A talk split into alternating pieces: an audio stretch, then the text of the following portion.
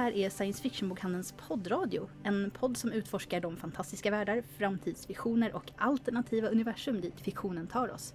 Jag heter Jenny. Jag heter Petter. Och jag heter Gabriella. Och idag har vi med oss Alba Lundström Ramirez som ska prata om NaNoWriMo. Hej! Hejsan!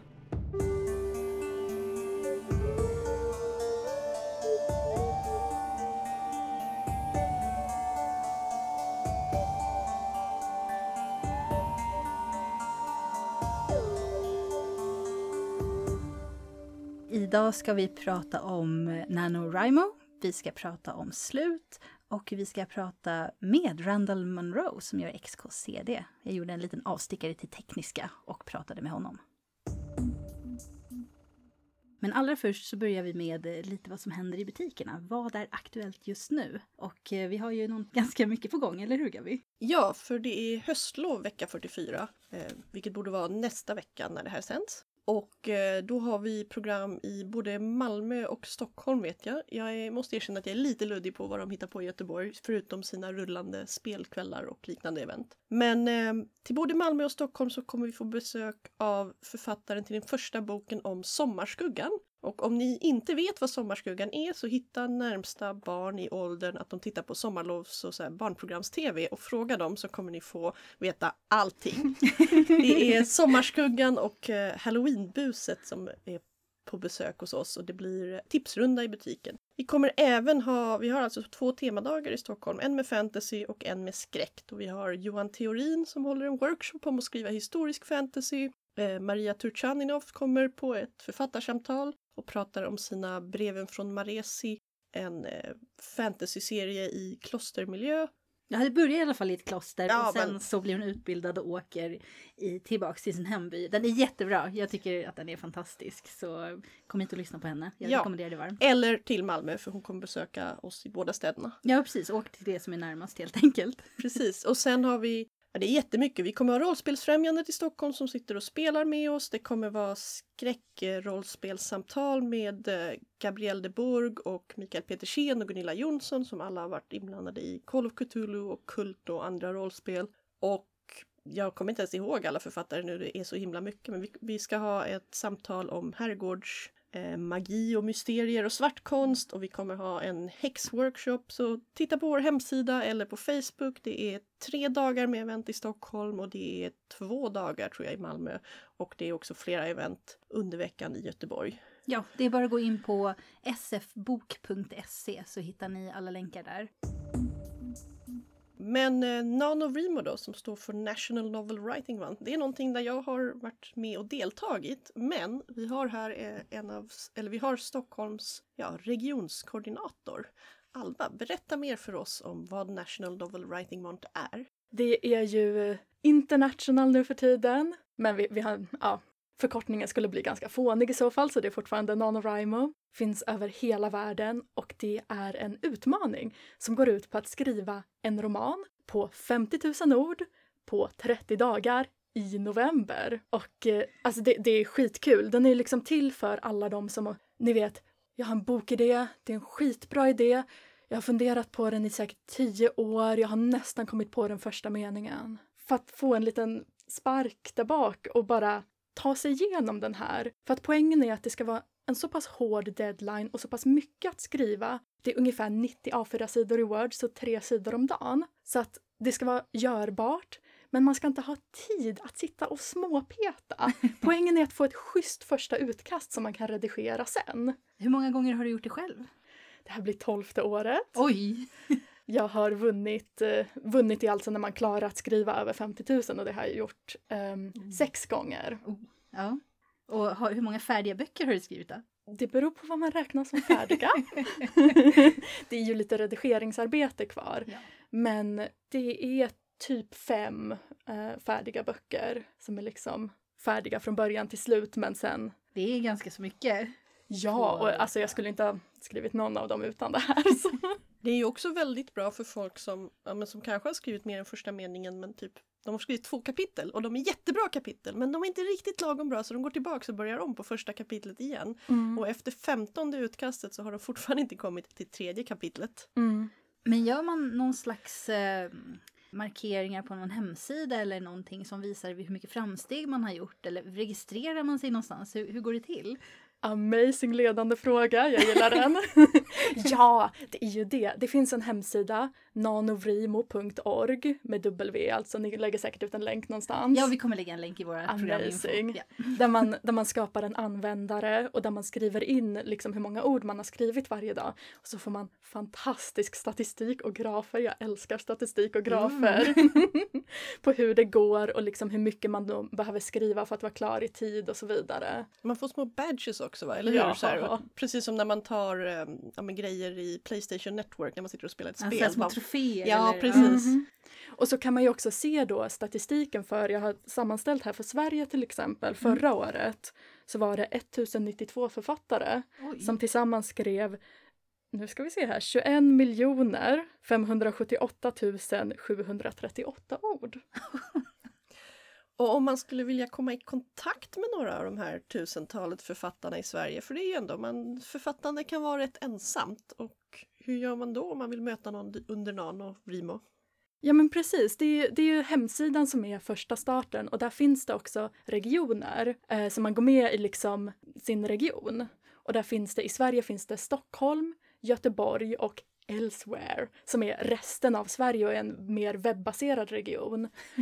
Jag är ju... Det är stad mot landsbygd än en gång alltså. Ja men det är ju så, men där kan jag säga att Elsewhere-regionen är ju, förlåt Stockholm, på många sätt den roligaste när det kommer till internet. Just för att den är internetbaserad. Ja men det kan man ju förstå. Uh, så vi har träffar flera gånger i veckan i Stockholm. Uh, jag vet att det finns träffar i Göteborg, Göteborgsregionen. Jag har för mig de satt på Café Sirius förra året och kanske gör det igen. Alltså var annars skulle jag säga. Eh, nej men jag vet att de sitter på andra ställen också men Café Sirius är amazing till det Och sen Malmö, Uppsala, de flesta större städer. Om det inte finns en träff än så är det ju bara att skriva någonting i Elsewhere-forumet eller i Nano Sweden, heter deras Facebookgrupp, och liksom höra om det finns någon i närheten så finns det säkert det för vi har verkligen deltagare över hela landet. Det är jättekul. Vad får man skriva då? Vad som helst. Det finns några så regler, men det är alltid okej att bryta mot dem. Men regler som de har upplevt att det är det som gör att det är lättast att skriva en bok. Man ska mm. helst starta helt från början på sitt bokprojekt. Jag har inte gjort det i alla år, men mm. det är bra. Det ska vara en roman, det vill säga inte en faktabok. Jag vet att vi har en deltagare som ska skriva tio stycken poddmanus, så jag menar, så finns folk som bryter mot det också. Man, men det får liksom vara, det, man, många skriver fanfiction. Så för oss fanfictionläsare så är ju tiden efter november alltid bra, kommer långa högkvalitativa fanfics i många genrer. Mm.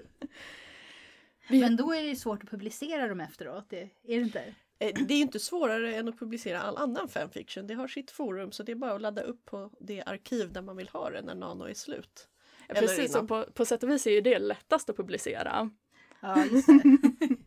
ja, vi, vi har ju vår Hugo-vinnare för i år, Archive of Our Own. Så vet häftigt! Ja, det är så himla roligt.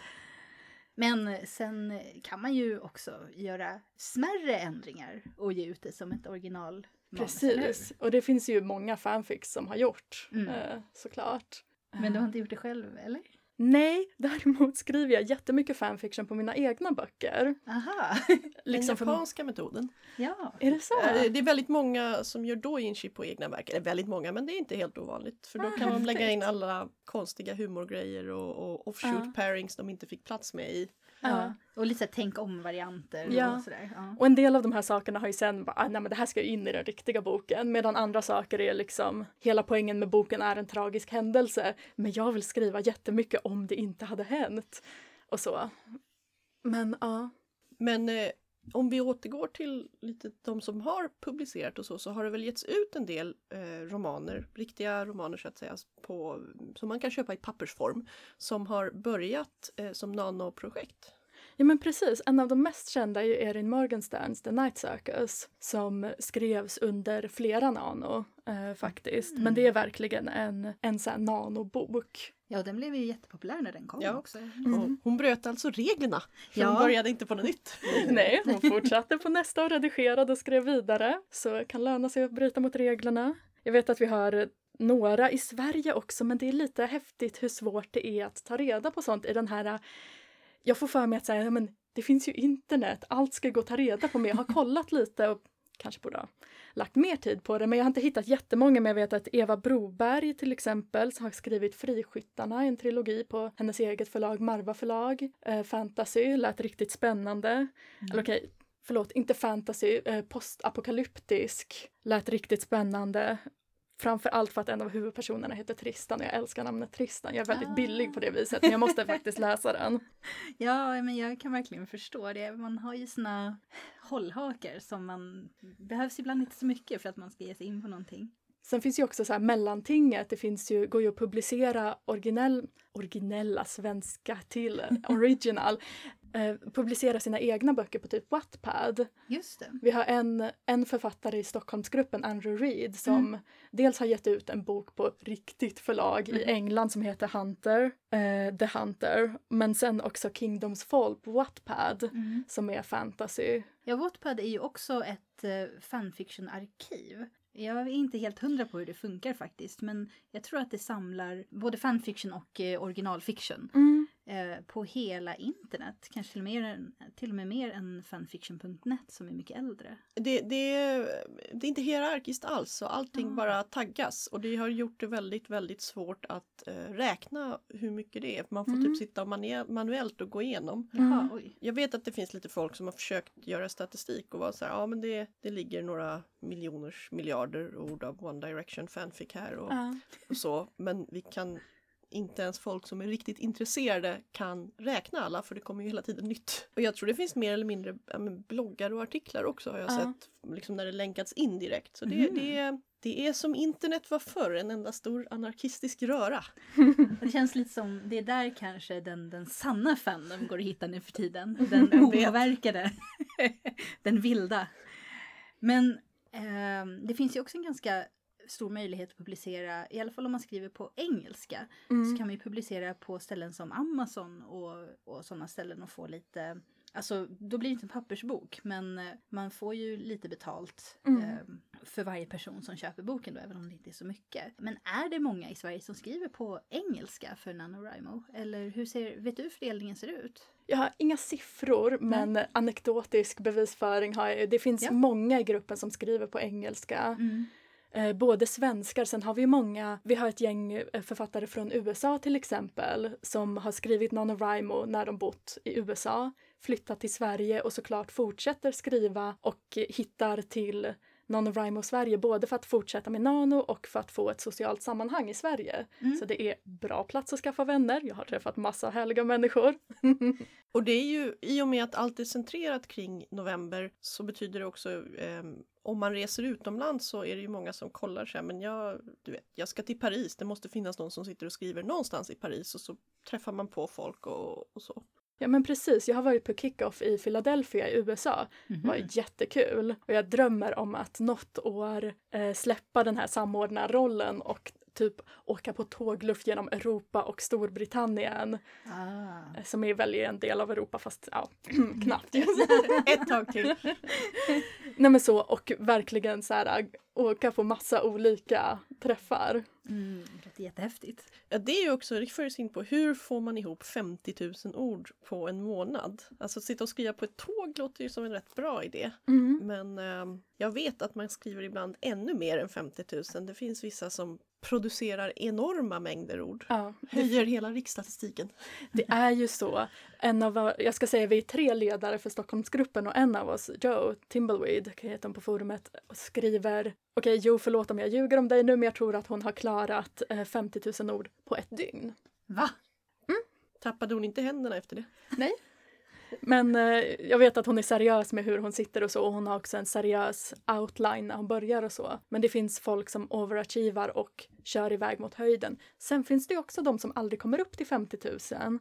men fortfarande skriver mycket mer än vad de skulle ha skrivit annars. Mm. Och sen kanske nästa år försöker igen då och skriver lite mm. mer. Och... Ja men precis. Men vet du, kan du berätta lite om hur, alltså varifrån kommer idén med NaNoWriMo och hur, hur började det? Man går ta en historisk tillbakablick. Ja, det var ju då, det måste vara 1998 tror jag, för att 2008 jag var med var det något tioårsjubileum. Ja.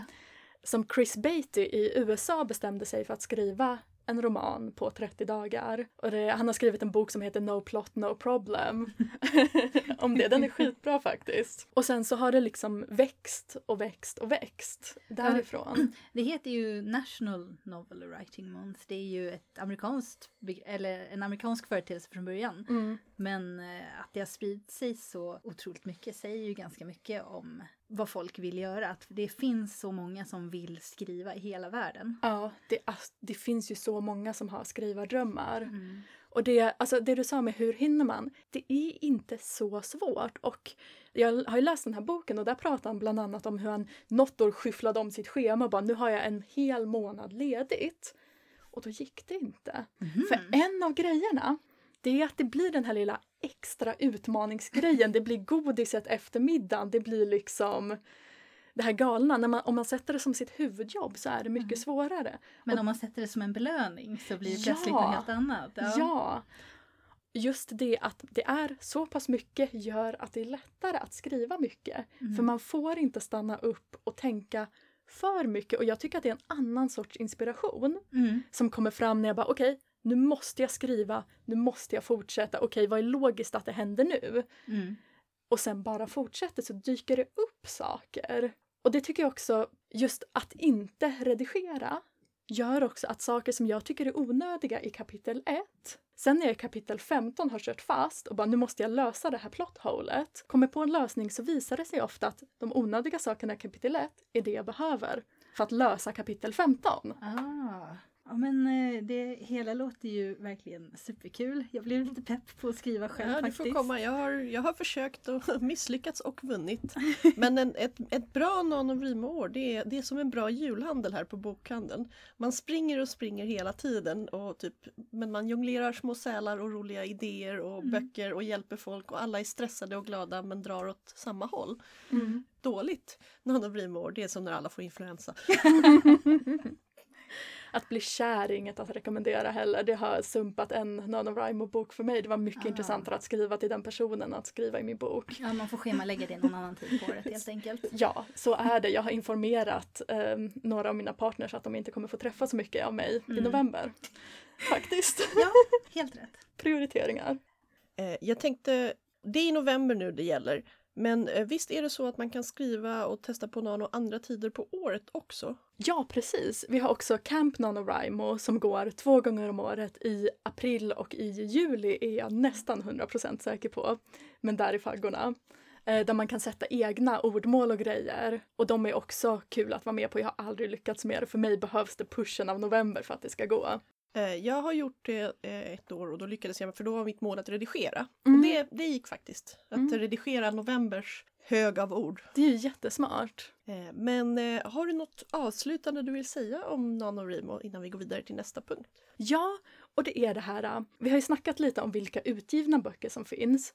Men jag vill också säga att skrivarbranschen, skrivarvärlden har lite orättvis press på sig tycker jag. Att man ska hålla på och ge ut böcker, det är liksom målet. Och det är klart, jag vill bli utgiven, det är många som vill det.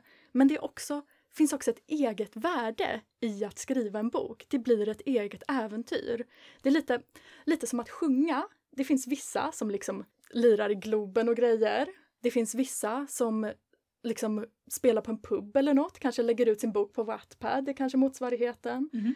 finns vissa som så här, sitter på en hemmakväll eller runt brasan och lirar och det är de här äh, små kompisgängen som skickar böcker runt till varandra och det kanske är, inte är den högsta litterära kvaliteten men det är exakt vad det här kompisgänget gillar.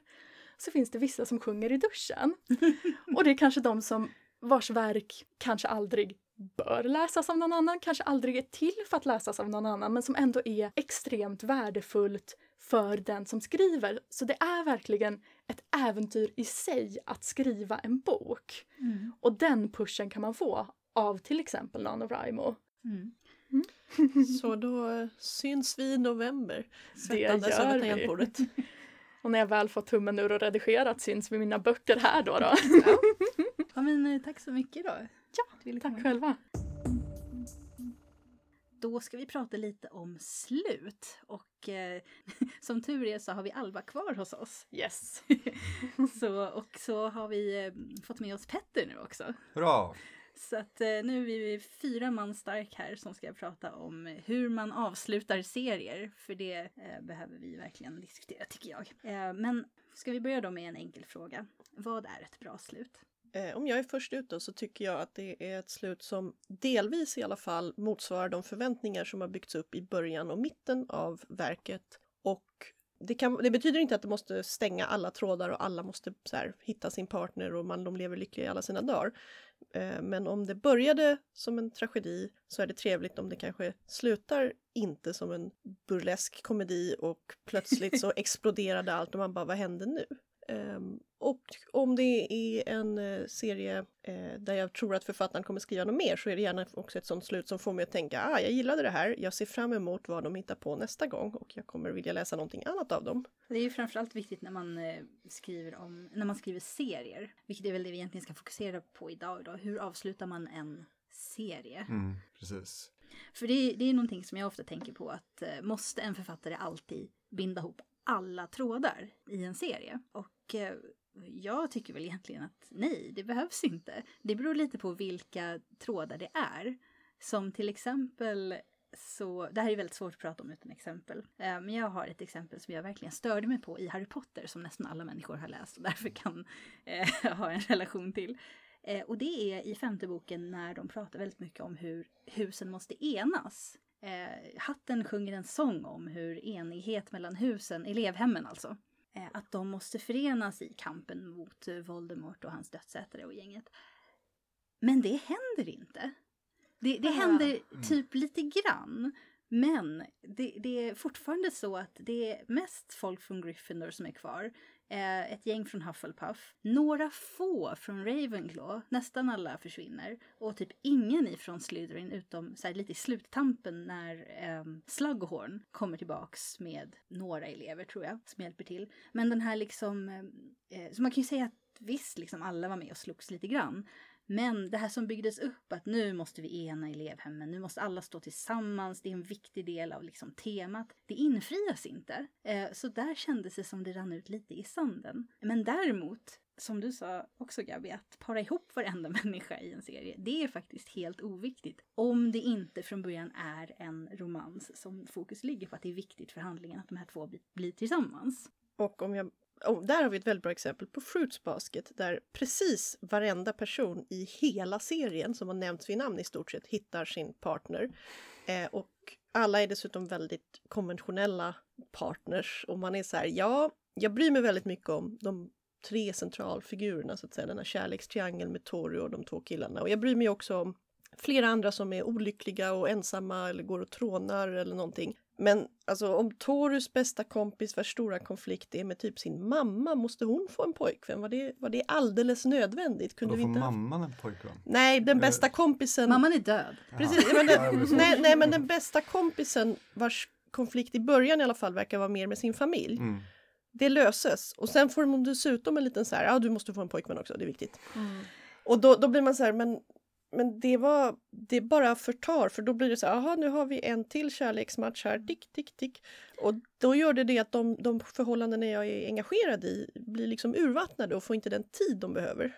Nej, precis. Och det är ju också det där liksom med att typ, ett bra slut ska ju vara någonting som har byggts upp under berättelsen. Liksom. Det ska inte vara någonting som taggas på på slutet att bara säga det här var en grej som, som hände liksom. Det är ju inte tillfredsställande och det är liksom Det är där jag tycker att, eh, eller där jag, jag tror att problemet ofta är att författaren har ett slut, har tänkt ut ett specifikt slut redan när författaren börjar skriva berättelsen. Och sen måste det slutet finnas kvar fastän det kanske inte funkar med hur berättelsen blev under författandets gång. Jag vet inte, du Alba, du har ju skrivit en massa böcker. Eh, hur brukar du göra med slut? Alltså jag hatar att skriva slut. jag tror att det är mer för att jag tycker att den tar slut långt innan andra tycker att den tar slut. Så att mina slut är ofta lite mer öppna och jag tycker att allt har förklarats men jag har fått de kommentarerna att jag borde liksom... Binda ihop det. Ja, men en skri- epilog. Yes, där har vi skriva folk på näsan lite, lite mer. precis. Man ska inte göra det för mycket men jag gör det, det går tydligen att göra det för lite också. ja. Där hade vi ju ett gammalt poddavsnitt där vi intervjuade redaktörerna från Tor, Just det. Nielsen Heidens. Och de sa att eh, ibland så säger läsarna just det här, men jag vill provläsarna, jag vill ha mer, jag vill ha mer. Och ibland måste författaren säga, eller nog säga författaren och redaktören kanske ska säga, vad bra att du vill ha mer, läs nästa bok. Mm, mm. Ja, för det är inte alltid att det, det som läsaren vill ha är faktiskt det som Boken är... mår bra av. Ja, precis. Nej, ofta ska det ju vara, man ska alltid vilja ha lite, lite mer. Så fort man får det så är det någonting som faller.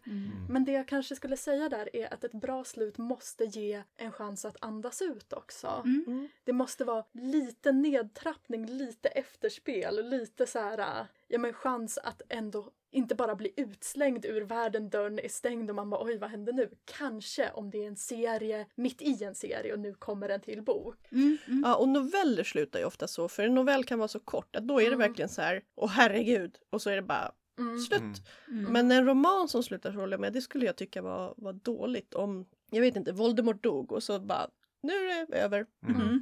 Mm. Mm. Ja, det, det är just det som jag ofta finner otillfredsställande. Det är just att den här nedtrappningen blir för kort. Mm. Eller att den inte finns. Men jag tycker ju inte heller att epiloger brukar fungera för det mesta.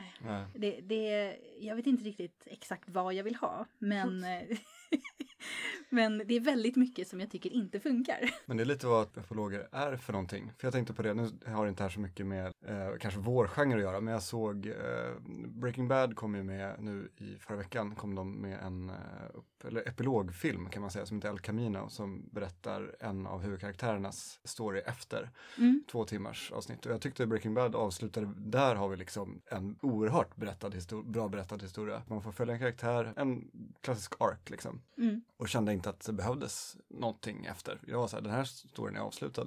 Men ändå så kände jag att den här epilogen liksom stod så pass bra på egna ben och den kunde liksom koppla till, till den tidigare berättade historien. Så att det, inte, det känns som att, Men den var ju så pass utvecklad då också så att det Ja. blev som en egen berättelse. precis, precis. Det var inte bara liksom Nej, en, exakt. en samling med uttalanden och sen Ja. det här, det här, det här, det här. Ja, men det är det som jag kan tycka att eh, epilogen ska inte vara till och knyta ihop säcken utan det, det ska man ju ändå ha fått gjort och den historien man har berättat ska vara klar liksom. Ja. Och sen, Mm. Ja, Ja, man kan berätta en, en extra berättelse som tillför något. precis, exakt. Men ändå så ska huvudhandlingen eller huvudberättelsen ska stå för den sig ska själv. vara klar, precis. Ja, jag Mm. håller nog med. Ja, man kan ju också använda epilogen för att eh, förstärka temat om man har den typen av eh, berättelse som har ett slags budskap. Nu kommer jag inte på någon bokform, men eh, En midsommarström med Pucks avslutande monolog. Det är ju ett slags epilog till hela där det är så här vid skuggor och allting. Och det på något sätt förstärker temat i berättelsen även om det inte tillför någonting till handlingen. För då, då känner du lite att ah, okej, men nu vet jag hur, hur, jag hur jag ska känna, hur jag ska tolka de här Mm. konstigheterna. Och den, ja, den typen av sak kan man ju ha även i en modern roman. Att det är ganska vanligt så här, man har kanske en, en prolog eller någonting ehm, är det i Bulgarien eller något? Ja, men någon, någon gammal så här, magisk vandrargubbe går ut och så möter han någon annan bonde och de pratar lite. Någonting jag läste på 90-talet var det.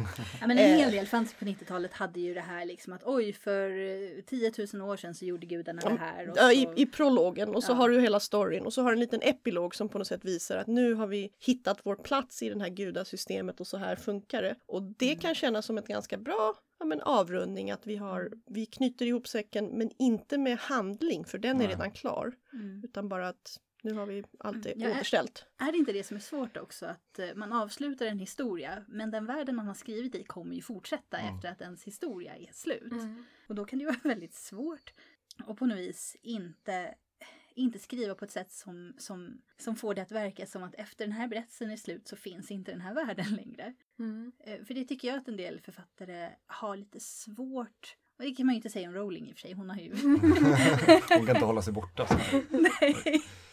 Eh, Där finns det mycket information att hämta om man vill ha den. Mm. Toalettbesvär och annat. Ja, men mycket intressant utveckling.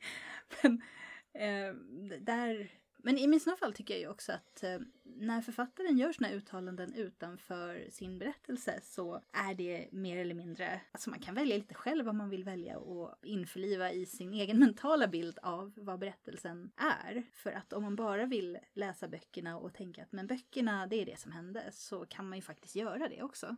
Mm. Jag läste i något, det här ska jag inte berätta slutet för den är så nyutgiven att det blir en spoiler, men det har kommit en, ett seriealbum, eller en miniserie som är samlad i tre album som heter Labyrinth Coronation, som är en prequel till Jim Hensons Labyrinth. Eh, och som är mycket, mycket bättre än den här hemska grejen som Tokyo Pop gav ut för många år sedan, som var både ful och dålig.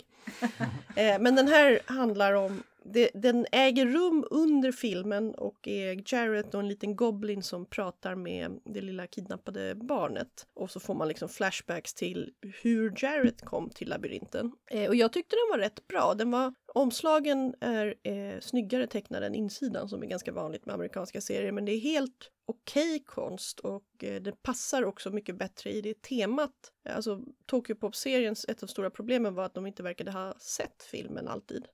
Och hittade på liksom andra saker som, som inte, inte passar de eh, regler som antyds. Men slutet tyckte jag var lite svagt. Jag är ändå glad att jag skaffade serien och så. Och det måste ju, det var ju verkligen så här, när det är en prequel då måste det leda in i en viss situation som finns. Men jag höll väl inte helt med och jag tyckte inte att eh, så här, den narrativa strukturen byggde upp mot den typen av slut och de händelser som skedde beträffande Jarrett. Det finns ju en massa nya figurer som, som var väl mer stabila. Men det är kul, det är kul att läsa. Man får se lite också här, varför, varför han håller på så mycket med ugglor och, och grejer. Och hur de vävde ihop det med Sarahs berättelse, det är hon som är huvudpersonen i Labyrinth-filmen, om någon har missat den så, är det, så var det välgjort. Vi har en Labyrinth Coronation, heter den, del 1 till 3. Men Det, det är väl förstås inte alltid så himla lätt eh, för författaren att liksom få slutet att vara relevant. Men det handlar ju, tycker jag, om att författaren måste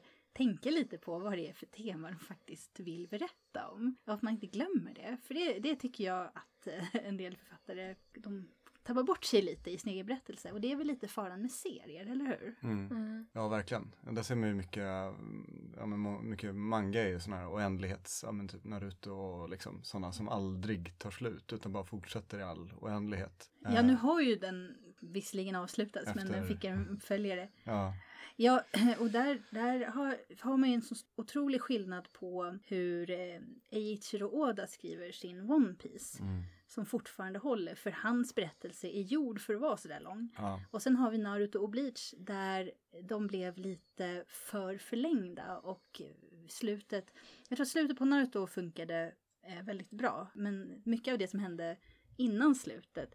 Jag tittade på en, eh, en sammanfattning eh, som någon hade gjort på Youtube om Naruto-animen. Och det visade sig att 44% av animen är utfyllnad. lägg av. Det är nästan hälften som bara är liksom Ja, filleravsnitt som Ja. inte kommer från originalberättelsen. ja, För att de bara behövde fylla ut liksom, schemat för att sända, sända avsnitten. Eh, och då, då kan det ju bli väldigt eh, förvirrat att titta på en sån serie. Speciellt om den går liksom i flera hundra avsnitt. ja. Men vet du hur, hur de gjorde liksom, var det att de hade bestämt efter ett tag så här, nu är det slut på volym 100, då, det är liksom sista. Alltså vad jag vet om animeproduktion på så här um, Shonen Jump-serier som ju kommer ut, ett- det kommer ett nytt kapitel varje vecka och det ska komma ett nytt animeavsnitt varje vecka. Det är att man har ingen förplanering utan man, man springer för att komma ikapp. Ja, det är lite lägga spåret framför Ja, tåget, och eller- ibland så kommer man efter och då blir animationen så här extremt ful. Mm. Det är också inte, det är inte så att det är ett gäng som sitter och ritar utan du har en, en person som har översikt och sen skickar du ut det till olika studier som ska fylla i olika bitar och så pusslar du ihop det. Så det är, Mm. Och beroende på vilken studio så blir det extremt väldigt olika resultat. Ja, sen tror jag att det är, alltså även med sådana som inte liksom görs av massa människor under bisarrt lång tid, så tror jag det är svårt som författare ibland att ha den överblicken. Mm. Det här är ett helt annat exempel, men jag skriver lite så sånger till live och grejer. Ja. Och mina kompisar är alltid bättre på att komma ihåg texten än vad jag är. För de har fått se en version, jag har alla versioner i huvudet. Ah. Och jag tror att det kan vara så lite med när man Mm. skriver en serie också. Mm. Man själv har liksom hela världen i huvudet medan läsaren ser liksom liksom det som faktiskt kommer ut som en bok och har lättare på ett sätt att få den här överblicken. Mm. Samma som jag vet Margit Sandemo har klarat sig ganska dåligt i Sagan om Isfolket Quiz. Ja. Just är för det att, så? Ja, Det är eh, jätteroligt. Förlåt men det... det är också en serie med ett slut som heter duga. Ja, ja, gud. Ja, alltså ska man prata om bra slut så, som uppfyller vad, vad serien eh, lovar så kan man verkligen ta upp det. Hon lyckas bra tycker jag. Du tycker det? Ja, jag, alltså, Det, vi får Nu ta ett Sagan om. Isfolket avsnitt. nej, jag ska inte spoila slutet. Nej men Är inte det alltså, en jättegammal bok? eh, vad ska man säga? Serie på 47 böcker till och med. Ja, så till och med. Man kan tycka att, eh, vad ska man säga, att eh, hennes författande inte är så bra. Mm. Men hon kommer ihåg, vad ska man säga, hon eh, använder allting som har hänt i hela seriens gång i slutet på olika sätt. Ja men det har du ju, den spårar ganska rejält men hopknytandet lyckades hon ju med. Ja, ja, precis. Men det är därför som jag som sagt är så inspirerad av Eiichiro Oda som skriver One Piece för han har den här överblicken. Mm. Trots att han nu är uppe i eh, över 90 böcker. Wow. Ja, det är så. Ett kapitel i veckan. Mm. Eh, jag vet inte hur många hundra kapitel det är nu. Eh, Massor. Snart tusen Det är ju säkert. typ NaNoWriMo-hastighet. Ja, Ja, han, han, han, eh, nu, nu jobbar han bara, det är tre eh, kapitel i månaden för han, han blev väl sjuk. Ja. Så han kände att han måste ta en veckas paus i alla fall efter Mm. tre kapitel. Sen Men- tror jag att han har den ställningen också att han kanske kan ställa lite krav nu. Mm. Men det är ju inte bara Alltså det har inte bara ställning att göra, det handlar mycket om inställning. Ett jättekänt exempel är ju Arthur Conan Doyle som sket fullständigt i Sherlock Holmes och glömde bort hur många gånger Watson gifte sig och dessutom vart hans så här, krigsår var. Men jag menar, hade han varit så här, nu vill jag ha en bra redaktör som hjälper mig hålla koll på det här så hade han säkert fått det. Mm. Men han brydde sig inte. Och där kanske man ska ta upp det också, vikten av en bra redaktör. Mm. Mm. Eh, Jag tror att många glömmer det att eh, en redaktör gör faktiskt ett otroligt viktigt jobb. Mm. Och vad jag har hört så har det skurits ner ganska mycket på, på det inom, för, inom förlagen framförallt som förbrukar ha sina egna redigerare för, för nya böcker och nu inte har det så mycket längre. Ja, och jag kommer ihåg en bok, ehm, jag minns inte vad boken hette, men författaren hette Fiona McIntosh. Ni kommer inte hitta den på våra hyllor längre, tack och lov. För det måste ha varit en av de sämst redigerade ehm, engelska böckerna vi har sålt, i alla fall som jag har snubblat över. Det var, det var korrfel och det var stavfel och det var det var så här typiskt att de beskrev att de här två städerna ligger en vecka ifrån varann i bok ett och i bok två så verkar de ta sig mellan dem på några timmar för handlingen kräver det. Mm. Ehm, och jag vet, ibland är det lite så här, men varför läste jag ens ut den där? Jag minns inte hur den slutade, men det blev inte bättre. Ehm, så det, det är väldigt viktigt. En annan som, som har haft lite problem med det i vissa serier, inte i sina mest kända, det är Mercedes Lackey. Uh, Herald Mage-serien tror jag är välredigerad och mer genomarbetad, men hon har sin Elemental Masters-serie som är typ sagoinspirerat och lite så här nästan urban fantasy förutom då att det springer runt en massa folk med elementar magikrafter i Europa. Ehm, och där verkar hon inte heller ha koll på vad som hände i ett kapitel till ett annat alltid. Men de kommer ut väldigt fort. Så jag undrar om det påverkar. Men inte det är svårt när man skriver, som vi pratade om tidigare i NaNoWriMo, och när man skriver så fort. Är det lättare eller svårare att ha koll på vart berättelsen är på väg? Ja, alltså på ett sätt lättare för att den är ju väldigt sammanhållen. Man lägger ju inte ifrån sig den under månaden på det Mm. sättet. Och sen ibland så kommer man ju upptäcka, jag har liksom haft mer karaktärer i början som när jag läste igenom, jag vad blev det av Odila? Fan vet. Eh, jag får döpa om henne. Så det är lite saker som man upptäcker men det är ju väldigt mycket ett första utkast som man måste redigera. Och jag har fått, det är ju det som är grejen också, man ska inte stanna upp. Jag har fått liksom skriva i mitten av boken. Förresten, hennes mormor visste inte om den där hemligheten. och sen bara fortsätta och sen fånga det i redigeringen. Ja. Och det är därför också, jag tror det är många som inte själva har varit inblandade i skrivprocesser och nu pratar jag om allt, alltså det kan vara en artikel eller en fackbok eller en roman eh, som tror att man, man liksom sitter och skriver från början till slut och sen säger det så här, slut och nu, nu är det klart, nu kollar man kanske stavfel. Mm. Så är det inte och ju, ju mer komplext och ju fler ord det är desto mer måste man gå in och kolla att har jag kommit ihåg att presentera butlern innan han avslöjas som mördaren i sista kapitlet eller har det liksom bara funnits husor? Då, är det ju, då, då blir det ju ett litet problem. Mm. Men det, där dyker ju också problemet upp om man skriver en serie. Eh, En bokserie eller en tv-serie eller vad som helst. För att eh, eh, det kan man ju hålla på med i flera år. Ja. Och om man inte läser om sina egna böcker hela tiden så jag, jag kan förstå att det inte är så lätt att komma ihåg allting som man har skrivit. För då har man ju inte den här överblicken. För liksom, ja men tänk Harry Potter liksom, var det inte över tio år mellan första och sista boken? Hon Minst. kunde ju inte heller gå tillbaks och alltså hon kunde inte direkt redigera om bok ett och så här. Förresten borde Hermione kanske prata om så här Beedle the Bard-sagorna här i första boken där, Mm. där Harry ändå möter en massa nyheter och det hade Mm. gått jättefint att ploppa Mm. in det förutom att jag inte hade kommit på hur viktiga The Deathly Hallows var än. Mm. Och det är då det blir liksom retconna liksom och bara försöka så här plåstra ihop det och bara så här skriva, mm, ja. Så det här har alltid funnits egentligen. Ja, bara jag, så att det ni var vet. ingen inte säga det Precis högt, liksom. as you know Dobby så läser vi ju alla de här sagorna när vi är små. Ja. Där tycker jag ändå att hon gör ett riktigt Ja. bra jobb. Man kan Ja. se Ja. det hända då och då, Mm. men jag köper det. Det är väldigt snyggt gjort. Ja, Mm. gud ja, verkligen. Ja, det går ju att göra liksom på ett bra sätt eller på ett någorlunda bra sätt. Ja. Mm. Jag tänker lite på, vi kan inte prata slut och inte ta upp J.J. Abrams. Eh, faktiskt. Hans tänk kring berättande är ju lite det här, the mystery box pratar han mycket om. Just att det. är liksom, man har en låda och man vet inte vad som är i och liksom det är det som är spännande typ. Ja. Så han gillar ju bara att sätta upp massa saker. Lost är ju ett väldigt bra exempel på att det händer massor med så här, en isbjörn i djungeln. Mm. What? Det är jättekonstigt. Ja. Eh, men sen typ, eh, och det är ju sensationellt i sig liksom, men han, där, han rår ju inte hem någonting nästan. Och det är där jag tycker att, jag, jag är med halvvägs. Mm. Jag tycker det är, är jättekul sätt att berätta. Ja. Men författaren måste ju veta vad som Ja. är i den förbannade lådan. just- Herregud. Precis, och just Lost blir ju så här, det blir ju, man ser ner på den serien. Man, jag tyckte jättemycket om Lost i början och bara Ja. shit, jag älskar den här serien. Men sen så typ så här, det där slutet bara förpestar hela liksom, det som har lett upp till det. För att man känner att liksom, Mm. det är inte tillfredsställande någonstans.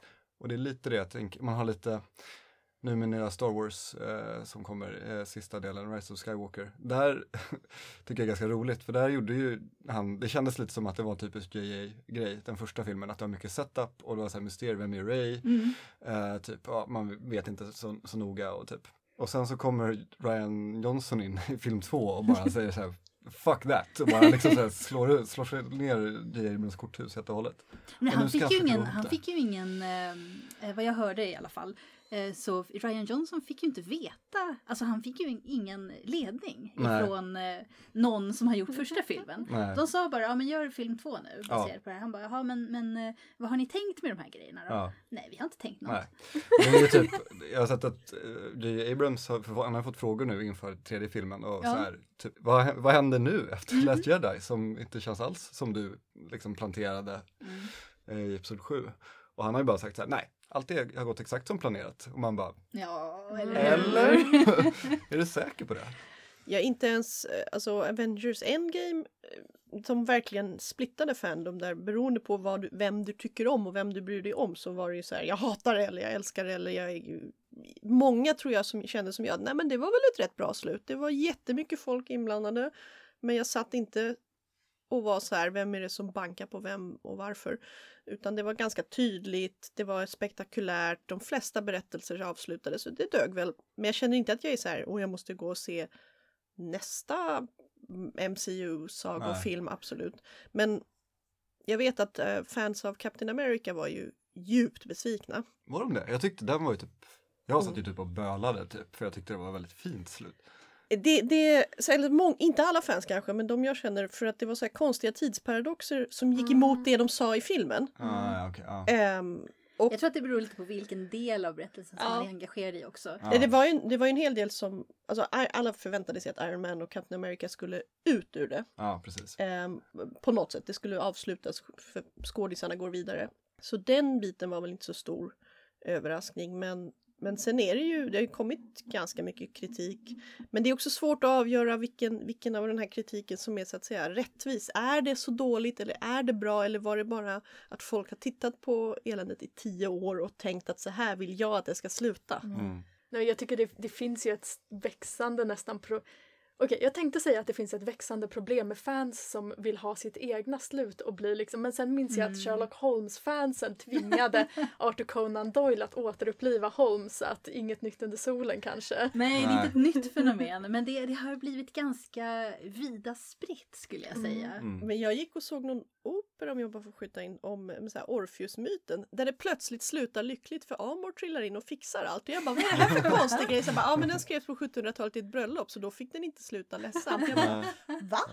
Ja. Har man inte tappat poängen menar Ja. du? Det är ju verkligen det du sa i början här om slut, att det, det måste hänga ihop Mm. med berättelsen. Ja, Men apropå det, det, det är ju påfallande ofta som Eh, författare verkar anse att ett slut måste innebära att en man och en kvinna blir tillsammans i ett romantiskt förhållande. Oavsett vad resten av historien har handlat om. Mm. Vad i hela fridens namn beror det Men jag, på? tänk, jag har tänkt på det också. För jag funderar lite på det nu och då tänkte jag säga det är en sån här Hollywood-grej att det liksom det är så uh, det har blivit så här. Och, och så, men det, det är väl även något så här lite och så levde de lyckliga alla sina dagar. Att det går ännu längre bak i tiden. Ja, till så här, sa- barnsagor eller? Ja, jag tror, jag tror det handlar mycket också om eh, ja, men tänk, tankesättet med belöning och om man läser, eh, vad heter den, Hero with a thousand faces som bland annat inspirerade eh, Star Wars-sagan väldigt mycket.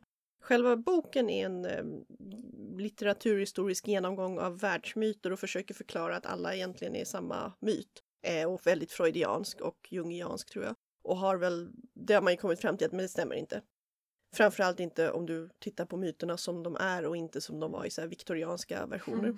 Men han har ofta en poäng när det gäller vissa typer av... Ja, och sen har ju andra författare använt eh, den här mytcykeln som liksom ritas upp och förklaras. Det är som om... om Ja, när de har skrivit nya berättelser. Ja, precis. Precis, det är som det här med fem akter i en teaterpjäs. Men Alla pjäser matchar inte, men många pjäser har ju varit så här, "Jaha, men det ska vara fem akter. Och så här, ja, men hjälten ska ha en belöning och i, i det verket så är det väldigt tydligt att det finns en hjälte och det är en man.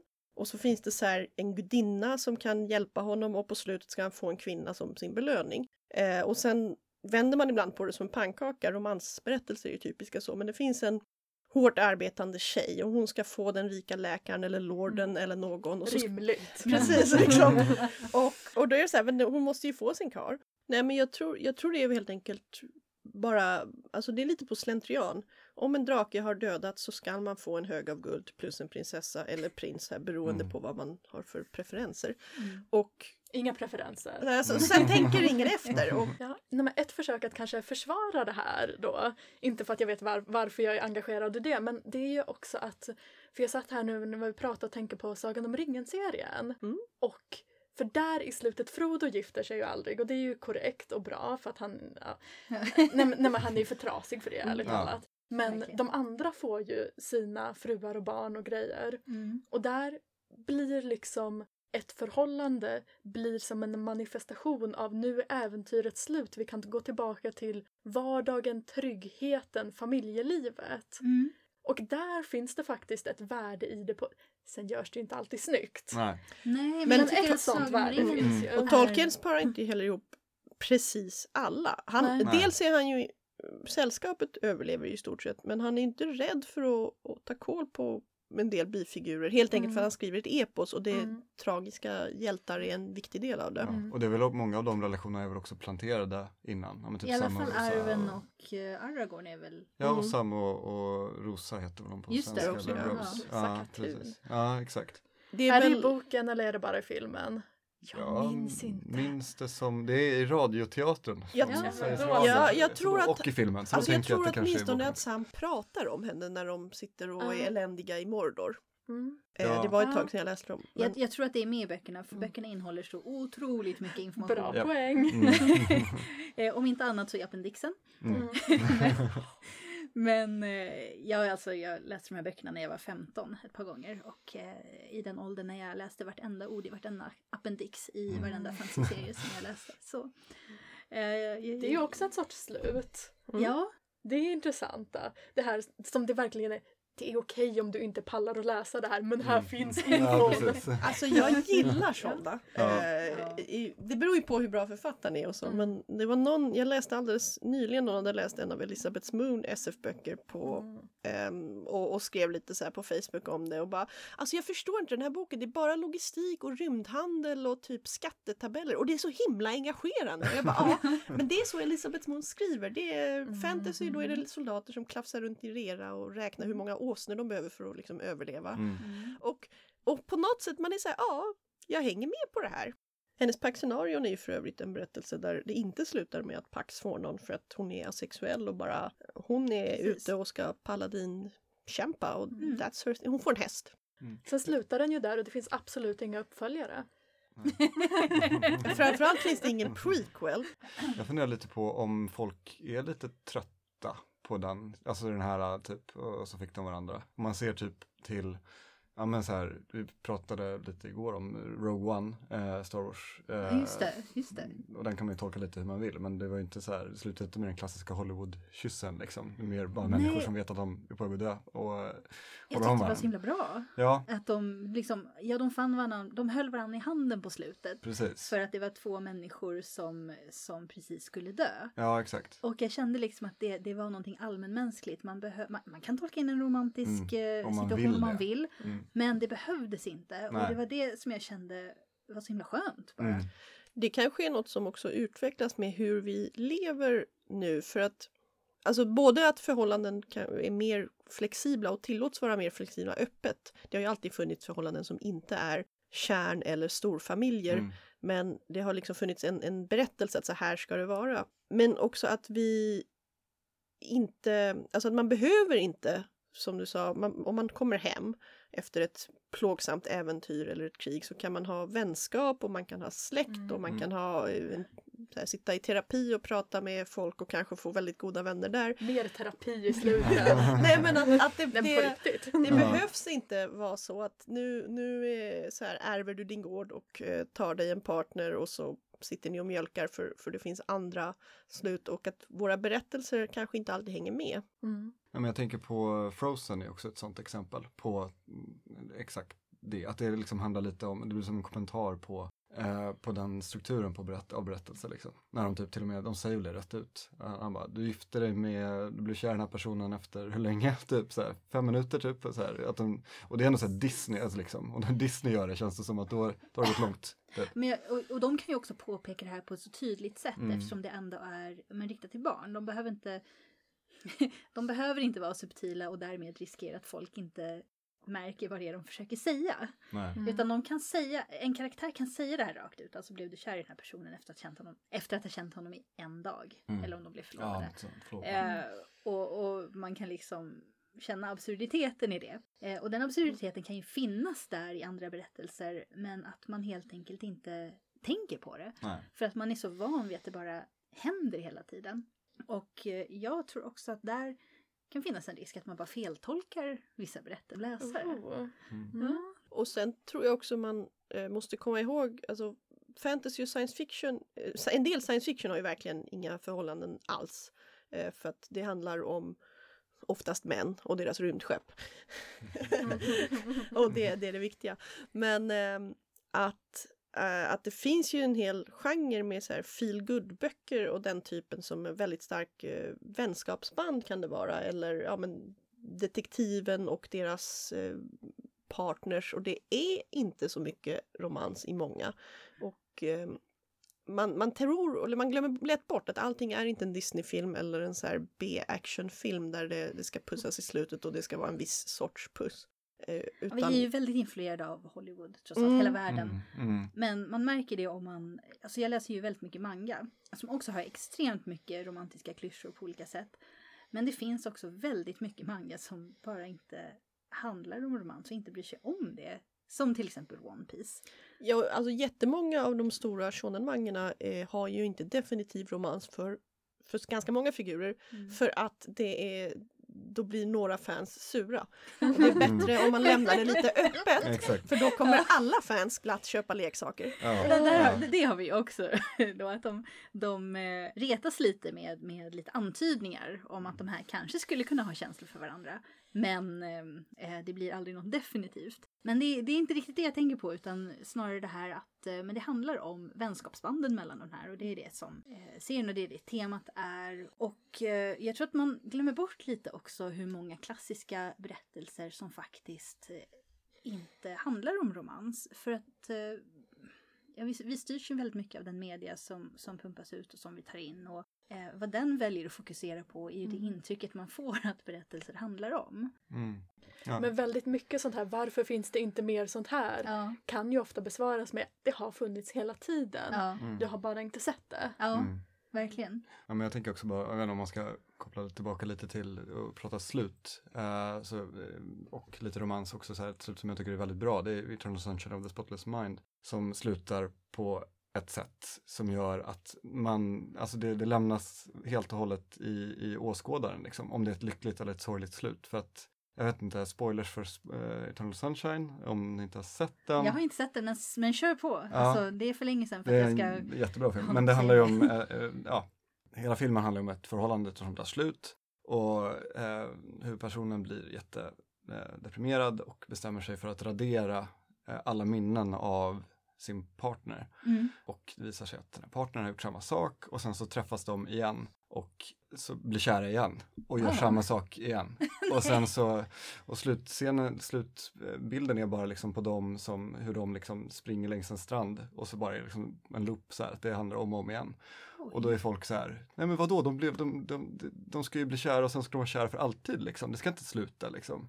Mm. Eh, och jag, jag vet inte, jag tycker bara så här, men det är ju väldigt fint att kunna berätta den historien, att det är så här, ja, det är så ett förhållande ter sig liksom. Det Alltså, låter här, fantastiskt. Det finns massa fina stunder liksom, och det är lite sensmoralen också, att han, man kan inte ta bort allting i, i, liksom, från minnet för att det finns mycket fint där också, även fast Ja. det blir lite förgiftat. Det blir ju också de kan ju aldrig lära sig av sina erfarenheter och gå vidare. Mm. De kanske är Antingen skulle de ju kanske kunnat komma över sina trauman och bli ihop igen om de inte båda hade suddat det. Eller så Mm. är det så här, nej men alltså ni, ni funkar inte som Nej, stadiga partners även Nej. om ni blir så här, oh du är så Ja. fin, precis. när ni precis träffas. Om vi ska kanske avsluta då med att berätta om, vad, om vi har något favoritslut. Jag tror jag, ja, Ja, jag sa mitt precis. Eternal Sunshine of the Spotless Mind. Petter är avklarad. Ja. Eh, jag ska ta upp en eh, romantisk berättelse som jag verkligen älskar. Och det är Moulin Rouge, filmen, som handlar om en eh, romantisk engelsman som kommer till Paris och blir kär i en eh, prostituerad dansare på den här, ja, vad, hur ska man beskriva Moulin Rouge? Där de dansar cancan. Eh, det här är alltså, Burlesk, eh, det här utspelar sig ju alltså i Är fantasyvärld. Ja, det är en Ja. fantasyvärld, men det, den är väldigt inspirerad av La Belle Époque, eh, sekelskiftet, Mm. eh, 1800-1900. Eh, allting ska handla om eh, sanning, frihet och den sanna kärleken. Exakt. Ja. Varning för alla, jag kommer tala om hur den slutar nu. Så att, eh, alla den är inte har 20 sett år Ja, den- alla den vet är det. 20 år gammal. Hon dör. Eh, men det är en extremt fin kärlekshistoria och det förändrar honom för alltid. Det är en eh, väldigt romantisk tragedi i en fantastisk värld helt enkelt. Ett, ett, tillfredsställande slut även om det är tragiskt. Mm. Mm. Och eh, för mig är det väl, eh, jag har varit lite på en sån här Gaiman revival efter att jag trillade ner i Good Omens djupt ner i en månad eh, och läste American Gods och så. Och eh, Sandman tycker jag, originalberättelsen, tio seriealbum. Neil Gaiman har en gång sammanfattat Sandman som att drömmarnas kung inser att han måste förändras eller dö och han gör sitt val. Och det är uh, The Kindly One som är det sista riktiga albumet. Det albumet efter är, en, och hela albumet är en epilog egentligen. Uh, det är väldigt bra, det knyter ihop väldigt många trådar men inte alla och det lämnar det jag skulle säga så här, det är ett så bra slut också för att det avtäcker nya stigar. Det finns plats för andra berättelser. Det är, hela Sandman är full av berättelser som börjar och antyds att här kommer det hända. Men Drömkungens berättelse får ett jättebra slut som har byggts upp i liksom mer än halva serien. Mm. Eh, och varje gång jag läser så tänker jag, men nu kanske jag inte blir så berörd. Och bara, jo, jo, det blir jag. Jätte, jätteberörd. Mm. Jag tror ett av mina favoritslut är Diana Wynne Jones Fire and Hemlock. Det är en märklig bok. Den har ett märkligt slut. Jag snackade ju innan om att mina egna slut ofta blir lite för avklippta och det är det här. På precis det här sättet. Det lämnar väldigt mycket öppet. Jag är inte säker på exakt vad som händer trots att jag läst det många gånger. Inte jag heller, trots att jag sett suttit och fuskläst på typ TV-tropes. Eller hur? Men ändå får jag inte den här känslan av att jag blir otillfredsställd för att jag inte får svar. Det är som att jag har fått en svar på en annan nivå än den rent tydliga. Mm. Och samtidigt är det typ en ungdomsbok så den är väldigt tillgänglig. Det, det är inte någon så här äh, högkravs metafysisk fuff- bok utan väldigt bra bok, väldigt bra slut. Ja, alltså jag skulle säga det är ett av hennes bästa slut för Diana Wynne Jones lider av samma syndrom som Fruits Basket i vissa böcker. Eh, och ofta är hon jätte, jättebra fram till nästan innan det liksom är slut. Men eh, Jag gillar hennes slut. hon kan också sluta lite för abrupt många Ja. gånger. Ja, men det var det. Hundstjärnan. Hundstjärnan var lite sådär. Jag bara hade dem när jag var barn. Eh, Dogs Body tror jag att den heter på engelska. Ja, ja. Där, där, det slutet tyckte jag var lite för abrupt. Jag var såhär, men va? Dale det är väl Quart- hon som har format mig. Ja, men Dale Mark Quartet som jag älskar är jättebra. Men det, hade den haft tre sidor till på sista boken hade den varit ännu bättre. Men då, då får vi avsluta slutpratet. Måste Eh, få ett bra slut ja, som liksom knyter ihop allt som Hela här. säcken. Ja, nu, vi, vi har ju en fortsättning nu. Vi ska ju faktiskt lyssna på um, Randall Munro som eh, jag träffade på Tekniska museet. Det blir en epilog, jag Mm, förstår. ja, Precis. som fördjupar temat, Exakt. hoppas vi. Och stå på egna ben. Och om det är någon som inte känner igen Randall Munro så säger jag bara XKCD. Det är han som gör den. Ja, eh, vi lämnar en länk i, eh, i eh, programinformationen. Eh, här kommer den. So I've made a little trip out to Tekniska museet to talk with Randall Munro. Hello. Hello. Thank you so much for taking the time. No, thanks for having me on. I think most of our listeners already know who you are. Uh, and uh, I got to know your work through XKCD, uh, the webcomic. Is that how you say it? Yeah, yeah. I I deliberately chose it's four random letters almost that are, um, and I chose ones that did not have an obvious that didn't look like you could pronounce them, so that people would just say it as four letters and not think it was a word. Yes, uh, when I say it, when I speak Swedish to my friends, I just say XKCD, like pronounced in Swedish, Yeah. because it's just those four letters. So it's not supposed to mean anything. No, no. Um, I actually I found that whenever I had to, you know, join a new service on the internet, I had to register a new name, and I would pick a name for a website or for a username or a whatever an account that I thought sounded cool. But I started doing this when I was very young, and I found that what sounds cool to an 11 year old doesn't necessarily sound cool to a 14 year old.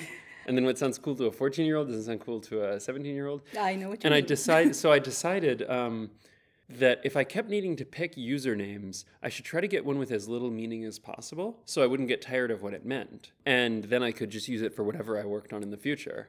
And so I picked. Uh, I tried to pick four letters. Um, I would have done three, but all the three-letter AOL screen names and domain names were taken. But I picked a four-letter string that wouldn't look like a word. It looked like an acronym, except there was no obvious thing it could stand for. Especially since it Yeah. starts with an X. Yeah, exactly. So I tried to pick sort of uncommon letters in that way. And then I tried to make it so that no, uh, there were no letters, something that always bothered me. Uh, there were no letters that looked like other letters or numbers if they were written uppercase or lowercase. Oh, I see. So no I's or L's or O's and and then ones and zeros. And so I I just figured this will be an identifier I can use Uh, in the future on the internet, you know. And so I registered it a bunch of places just to have it So hang on that's to it. that's that explained then. Thank you so much. Yeah. I've always wondered. Yeah, yeah, and then and then it actually it ended up working out really well. But I, mm. I registered it long before I started drawing comics. But why did you decide to start drawing comics and why stick figures? They're so expressive, but you wouldn't think so just thinking, uh, I, I know, uh, you know, a stick figure isn't really expressive, but they are.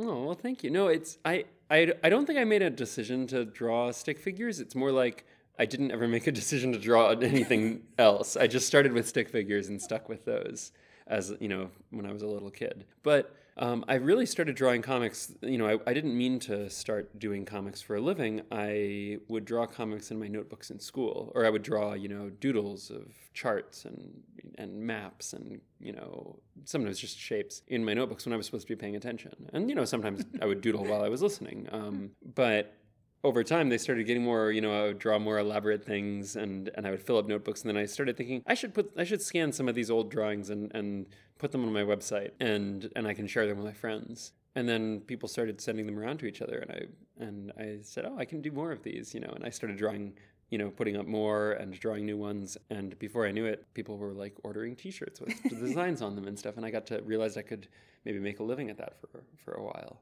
Yeah, it's really touched a lot of people. I tend to think of it as a comic about science, the future, history, and what it means to be a human being. Oh well, that's that's really sweet. I it's been really nice for me writing about stuff where it's sort of something that I worry about or I think about or I'm frustrated by, and and then realizing how many other people there are out there who apparently you know feel the same way. So it's really Yeah, definitely. it's really nice. it's been that's been really nice for me. The uh, subjects that you picked, is it because uh, of uh, your uh, education, your background? Uh, are you yourself a scientist? Uh, No, um, I, I had a degree in physics, uh, which is what I was doing at university when I was also starting to draw comics. Um, and and I studied, you know, some. I did some. I, I did some minors. I don't know if minors really count for anything officially. I we have a completely different system yeah, here, exactly. so People always will mention what they minored in, but I'm like, does it? Is it really? You know, does it count for anything? I don't know. it's like Um, a, a, a, you have a main subject yeah, and, and then- you study yeah. something else a little bit Yeah. less.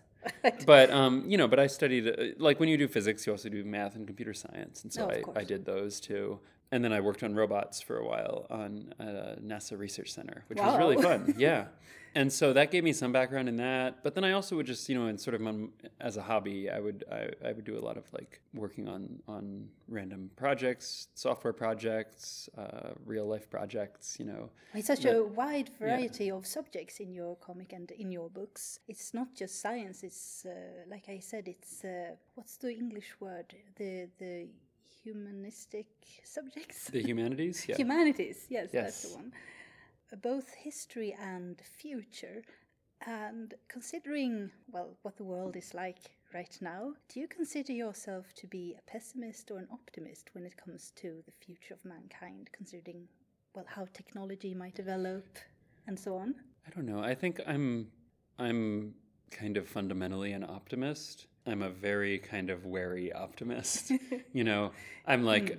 I'm always looking for reasons to be hopeful about things, but I'm sort of very skeptical of those reasons. so, you know, I'm like I'm looking for a reason, but I don't know if I believe them. Hmm. Um, and I'm sort of trying to poke holes in them and see if they really are as as um, because I, I would like you know I'm, I always want to be reassured and and to to learn about cool cool stuff and think that exciting things are possible you know and I, I think they always are like I think that if whenever things are you know unexpectedly bad things happen if nothing else you know I always think that it should make you a little bit you know if you're if you're surprised um, by how bad things happen get all of a sudden it should at least um, make you a little less confident that you know what good things are possible too Yeah, yeah, because see what you s- mean. things can be good in surprising ways just as much as they can be bad but they won't necessarily you know it sort of depends on what we do and so that's always it's it's sort of a very cautious optimism yes, the difficulty difficulty isn't it with, with uh, there are all these technological possibilities, but it all depends on what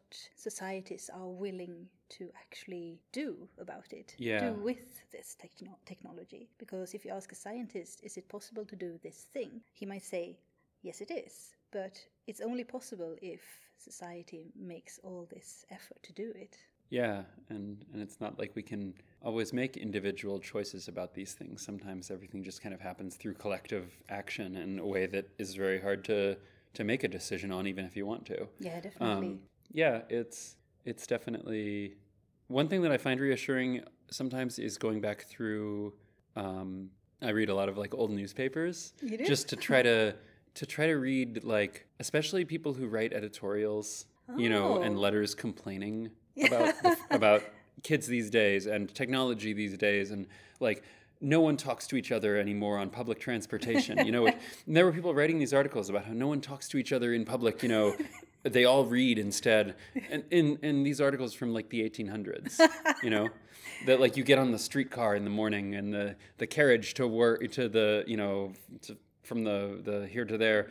Uh, every day, and everyone just reads their magazines nowadays, and no one talks to each other, and we are growing apart as a society, you know. And it was like, and it's like I find it reassuring to read those things, um, Yeah, I see what you mean. The more Because- things change. yeah, and it's like like a lot of I don't know, one one pet peeve I have is when people share a data point about the present. Like this percent of people are working this kind of job that seems very modern or you know there, that was one that my friend was complaining about recently you know like like this percent of people have this you know bad thing happening or this good thing happening. And then they'll say now of course in the past it didn't happen like that you know and they but they won't really have they don't have a data point from the past. They just say like you know when you look at TV shows from the 50s nobody's doing this thing. You know and I'm like are you sure though? You know those TV shows are not TV yeah shows? exactly. It's like yes I know that in that TV show we all remember from the 1950s they would never have done this but like uh, you know sometimes then I'll try to find statistics and be like no that thing we're talking about it's actually there's less of it now. There Yeah, was more before you mean, know? you yeah. so I always try to figure out because some things really do change in fundamental ways, you know, in in ways that are important, and and it's really hard to separate those from the things that just feel like they're changing because it's just so hard to compare the present and the past, you know, because we're only in one of them right now. um, it's just hard to have perspective. It is, it is. Uh, especially since, uh, well, it's natural to, uh, I think it's very human to, to reason from your gut feeling, but uh, you shouldn't trust it too much. Uh, because we have this image of what the past was, and uh, it's just an image mainly created by the media we consume. So, how do Yeah. we know the real truth? Yeah. And even looking at archaeology, it's it's amazing how much guesswork it really Oh, sure. is. And and there are lots of things that we, you know, even reading what people wrote back then, sometimes maybe the way they talk about something is, you know, this is a whole field of, of histor- that historians, you know, go into uh, that I, I, I just like, like kind of dipping a toe into it and seeing, just trying to gain a little bit of perspective on the present, you know, by looking at the past. And that's always, that's always been interesting to me. And then sometimes though you find something where something really was changing and they didn't see it, you know, until like- afterwards. like articles on um, there there I've read some articles on by doctors on the rise in lung cancers in the early ah. 20th century. Okay. and they they thought you know well maybe we don't know why these they do seem to be increasing everywhere but maybe it's just all these different modern things that are happening you know maybe it's this maybe it's that hmm. um, you know maybe maybe maybe smoking contributes to it but maybe this contributes you know maybe this other things you know and and of course you know it can't it, there's no simple answer probably and and these issues are complicated and you know people always get sick who hmm. knows whether it's really increasing or not and reading that it's like no, it was increasing. You've got to pay attention to this. You know, you had the chance. This is, hmm. you know, th- there was one. Th- this, you know, the the trend they were looking at was driven, you know, ninety percent, eighty percent by one thing, which was Yeah, smoking, and they yeah. didn't, you know, and they they figured it out. And then there was a long period when the hmm. there was the the battle with you know companies trying to cover Yeah, it up and stuff. But powerful companies Yeah. try to yes. but but there was that period when they were they had all the stuff in front of them and they were putting it together, but they didn't quite see how how big it was. You know, like Oh, yeah. and that and and a lot of them were saying things like, "Oh well, you know, people have always smoked. It hasn't really, you know, it's not that bad. Um, and there's always been, you know, lung cancer, and that's, you know." Maybe smoking contributes a little bit, but it, let's not get out of you know let's not get out, uh, disproportionate about it, and that's um, Yeah, that's, uh, it's amazing to consider all these things. yeah Uh, finally, you've written a new book yes uh, called, well, in Swedish, Gör så här. Uh, And in English, what was it? Mm-hmm. it's how to how to, how to. Yes. What is this book about? In this book, I took a lot of like simple tasks that you might need to do around the house and tried to find ways to, I would want to say improve them or do them better, but it's definitely not, they're not better. um, but other ways of doing them. Um, or ways to solve simple problems using interesting scientific research. So, like packing up to move from one house to another is a huge pain Yes. and and it always takes longer than it seems like it should. And you have to put everything in boxes, and it's very repetitive. And I started thinking, you know, if my house is already a box shaped structure, could I just pick up the whole house, move it over to my new house, and either put the old house there or, you know, put them right next to each other so I can just move the stuff from one to the other? And I know people do move houses sometimes, so I got to research like, how do you do that if you want to lift up your house? And then I started researching like driving on the highways, what kind of permits do you need, and it's different in different towns, you know, what um, and what if there are bridges. And I started looking into would it be easier if you could just have the house lift up into the air and avoid all these things and then come down over there. and so then I started like, and so I have uh, a whole section on the engineering problems of trying to lift up a house and make it fly um, which which is sort of surprisingly possible. Really? Yes, I, and so I lay out a couple of different ways you could do it and what problems you'd run into, um, and and illustrate you know the, the result. Oh, that sounds amazing. Yeah, yeah. And there's there's and there are some chapters where I talked to experts and things and got them. I said, you know, what if I want to do this? How can I do that? And they'll say, you know, like. And I was sort of expecting them to all say, like, oh, you can't, you know, that's ridiculous, or like, that doesn't even make sense, or something. I talked to an astronaut, though, um, Colonel Chris Hadfield, in my chapter on how to how to land, how to make an emergency landing. Um, and he's a test pilot and an astronaut, and he's landed like every kind of flying vehicle there is. and I expected him to say, you know, "N- no, you know, I'd ask him a ridiculous question about like, how do you land uh, this kind of plane in this strange place? And he, would, you know, I figured he would just like say that's a ridiculous question hang up on me. But instead, he was like, oh sure, here's what you do, you know, and he started describing, you know, and I would ask him like, how do you land? How do you land a plane on a moving train? Could you just match speeds with the train? And then like just lower the plane onto it. And he said, "Oh yeah, people have done that." And then he started describing the landing procedure on a train, you know. Um, and then he and he did this with like every idea I could He'd come just been waiting for someone to ask. I so, it's sort of it felt like that. It felt like you know if you're an astronaut, you probably get asked like, "So what's space like?" You know, a Yeah. lot.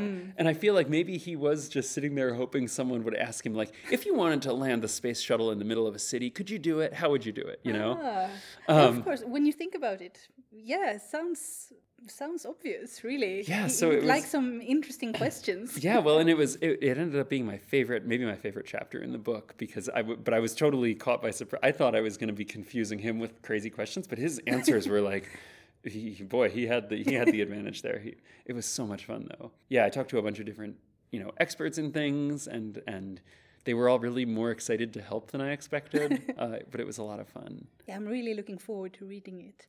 yeah Uh, so thank you very much for taking the time. hey thank you no it was wonderful talking to you